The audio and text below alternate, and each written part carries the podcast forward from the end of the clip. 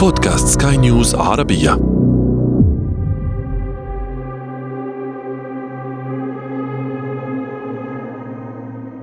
حينما التقى الرئيسان الروسي فلاديمير بوتين والصيني شي جين بينغ في بكين في فبراير 2022 وأصدرا بيانا أعلن فيه عما وصفوه بشراكة ليس لها حدود بين البلدين ولا حظر فيها على التعاون في أي مجال أثار ذلك القلق لدى الغرب. بالطبع كان واضحا أن هذه الشراكة غير المحدودة كانت مدفوعة بنفور البلدين من الولايات المتحدة. ثم لما اندلعت الحرب في أوكرانيا ورفضت الصين الاستجابة للمطالب الأمريكية بإدانة روسيا أو وقف التعامل معها أو فرض حظر على صادراتها ضاعف ذلك من غضب الأمريكيين. وزاد ذلك الغضب عندما استمرت لقاءات الروس والصينيين. ثم عندما أيد الروس موقف الصينيين من تايوان كجزء من أراضي الصين. لم يثر ذلك التقارب بين الصين وروسيا قلق الغرب فقط بل أثار تساؤلات أيضا. هل يمكن أن تشكل روسيا والصين تحالفا فعالا ينهي أحادية القطب الذي تتمتع به الولايات المتحدة؟ ما فرص نجاح البلدين الآن إذا كانوا قد فشلوا سابقا؟ وفي وقت كان الاثنان فيه ينتهجان نفس الأيديولوجية الشيوعية ومع ذلك تحولوا إلى متنافسين بدلا من حليفين. ولو نجح هذا التحالف الصيني الروسي في تشكيل تهديد فعلي لنفوذ الولايات المتحدة فكيف سيرد الأمريكيون؟ وإلى أي مدى يمكن أن تذهب تلك المواجهة لو حدثت؟ هذا أنا عمرو جميل أحييكم وأنتم تستمعون إلى بودكاست بداية الحكاية. بداية الحكاية. بداية الحكاية. كاي بلدين جارين بدأت العلاقات بين العملاقين الصين وروسيا منذ قرون عديدة وكانت مدفوعة في معظم الوقت بالتجارة وتنقل الأفراد والبضائع.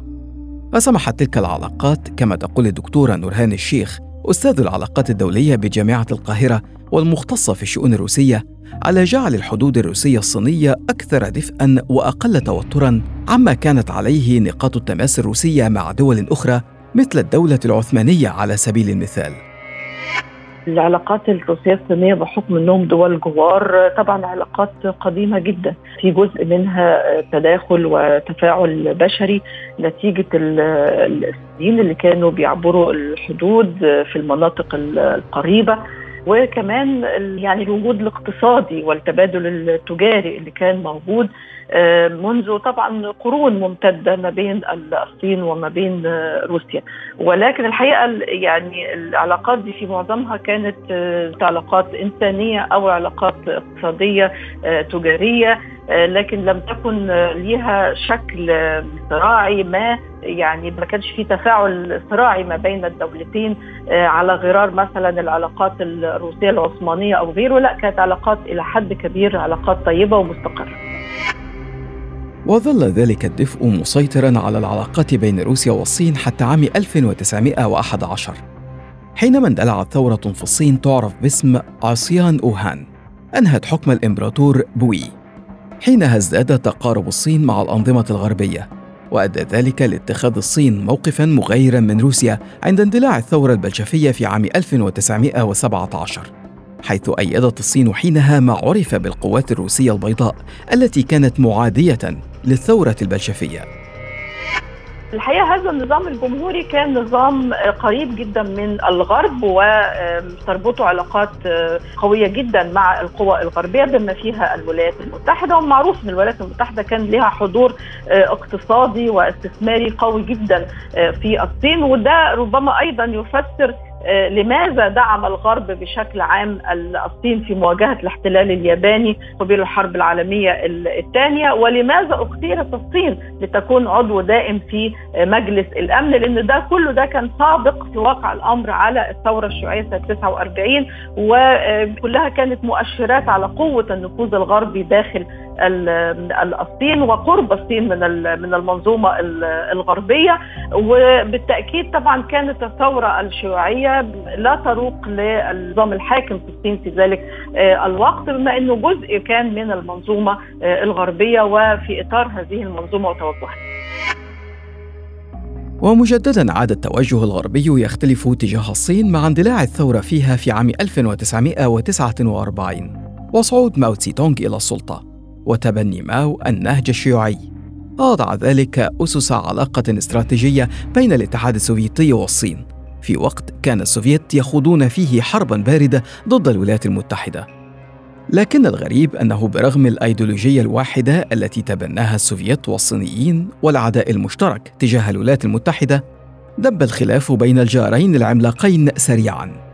كان السبب الرئيسي في ذلك كما تقول الدكتورة نورهان الشيخ هي نظرة السوفيت للصينيين مقابل نظرة الصينيين لأنفسهم. واعتقاد ماو تسي تونغ أن بلاده لا يجب أن تكون تابعة للاتحاد السوفيتي وإنما شريكة له. ستالين أو الاتحاد السوفيتي كان يريد أن يكون قائد العالم الشيوعي وهذا لا يروق لماو تسي تونغ النقطة الأخرى الحقيقة مهمة وهي تركيز ماو على البناء الداخلي يعني كانت فكرة الأولويات. ماو كان تركيزه على البناء الداخلي للصين. آه، وده كان أمر هام جدا بعد طبعا حرب شرسة مع اليابان ودمار يعني طال تقريبا الصين بكاملها. في حين أن طبعا توجهات ستالين وتوجهات الاتحاد السوفيتي آه، كان إلى الشيوعية العالمية ونشر الثوره الشيوعية آه، في العالم. النقطة الأخرى أن الاتحاد السوفيتي ربما لم يعني يدرك حجم قوة الصين كما حضرتك ذكرت أو حجم المخاوف الصينية من التمدد السوفيتي. يعني طبعا الاتحاد السوفيتي تدخل بعد كده في أفغانستان بارك التدخل فيتنام في كمبوديا وده كان أمر شديد الحساسية للصين. القوات السوفيتية كمان آه، اللي كانت موجودة في منغوليا وفي الشرق الأقصى وعلى الحدود بين البلدين أثارت كثيرا الصين. يعني يعني بعض التحركات العسكرية وبعض يعني التمددات بشكل أو بآخر آه، حتى فيما بعد ستالين لم تكن تروق كثيرا للصين. ثم بقى حدثت أو حدث ما حدث في مسألة التقارب بين الصين والولايات المتحدة وتفاقم مشكلة الحدود بين البلدين. كل هذه الأمور أدت في النهاية إلى توترات شديدة آه، ما بين آه، أكبر رأسين شيوعيين في العالم في ذلك الوقت. لكن بحلول الثمانينيات كان الاتحاد السوفيتي يشهد تحولا هائلا عما كان عليه في العقود الأربعة السابقة. بصعود ميخائيل غورباتشوف وتبني سياسات انفتاحية تجاه القوى الأخرى ومن بينها الصين. يعني هتوقف عند خطاب غورباتشوف الشهير في 28 يوليو آه، سنة 86 في فلاديفستوك اللي هو أكد على استعداده في أي وقت وعلى أي مستوى للحوار مع الصين. ده كان بعد القطيعة اللي أشرنا إليها. والحقيقة أنا بعتبر هذا الخطاب هو بداية التحسن وبداية التطور التعاون الاستراتيجي اللي هو موجود حتى اللحظة.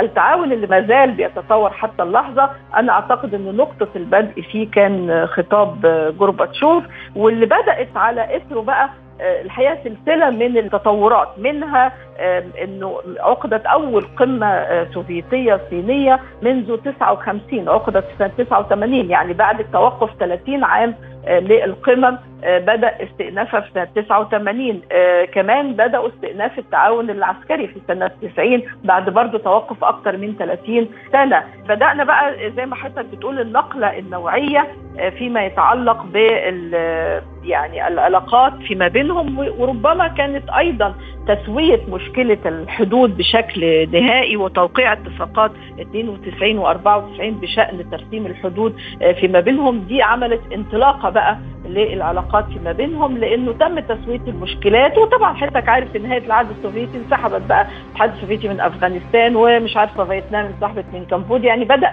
كل القضايا العالقة فيما بينهم يتم تسويتها وده عملت أرضية مهمة جدا لإطلاق بقى التعاون الاستراتيجي اللي إحنا بنشهده اليوم. لكن إلى أي مدى يمكن أن يصل هذا التعاون بين الصين وروسيا الذي تحدثت عنه الدكتورة نورهان؟ بمعنى آخر هل يمكن لهذا التحالف أو التعاون أن يمثل تهديدا حقيقيا لهيمنة الولايات المتحدة العالمية؟ ولو حدث فكيف سيكون رد الولايات المتحدة؟ يعني أعتقد إنه روسيا قرأت المشهد الدولي أن الصين أصبحت قوة كبرى التعامل مع القوى الكبرى يعني بهذا الحجم إما بالشراكة ومد يد التعاون وترسيم مناطق نفوذ لكلا الطرفين أو بالمواجهة كما تفعل الولايات المتحدة لإضعاف القوى الكبرى. وده بيفسر آه، تحركات روسية آه، في أماكن معينة تحترمها الصين في حين أن أيضا المصالح الصينية آه، في مناطق أخرى بتحترم من جانب روسيا ويعني البلدين يبدو أنهم صاغوا تفاهمات بشكل ما بحيث انه لا يكون هناك تعارض أو تناقض حاد في المصالح في لحظة أو في منطقة. واللي عايزة أقول لحضرتك إن في كتابات حاليا بتدي الصورة دي وبتقول إنه العالم متعدد الأقطاب قد يجعل من الصين هي القوة الرئيسية في آسيا وربما أيضا في إفريقيا. ويجعل من روسيا هي القوة الأساسية في منطقة أوراسيا. وأن الولايات المتحدة ستظل قوى الكبرى ولكن قد ينحصر هذا النفوذ إلى الأمريكتين.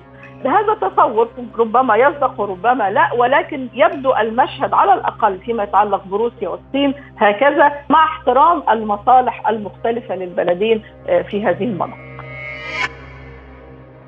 يتفق باحث الشؤون السياسية ودارسو الاستراتيجيات على أن ما تشهده مناطق مختلفة من العالم الآن سواء حرب أوكرانيا في أوروبا أو التوترات حول تايوان ومنطقة المحيط الهادئ أو صراع مد النفوذ على إفريقيا سيقود إلى تغير كبير في شكل العالم لكنهم يختلفون حول طبيعة وشكل هذا التغيير وربما كلفته على دول قد تكون ساحة صراع أو ضحية بين القوى الكبرى.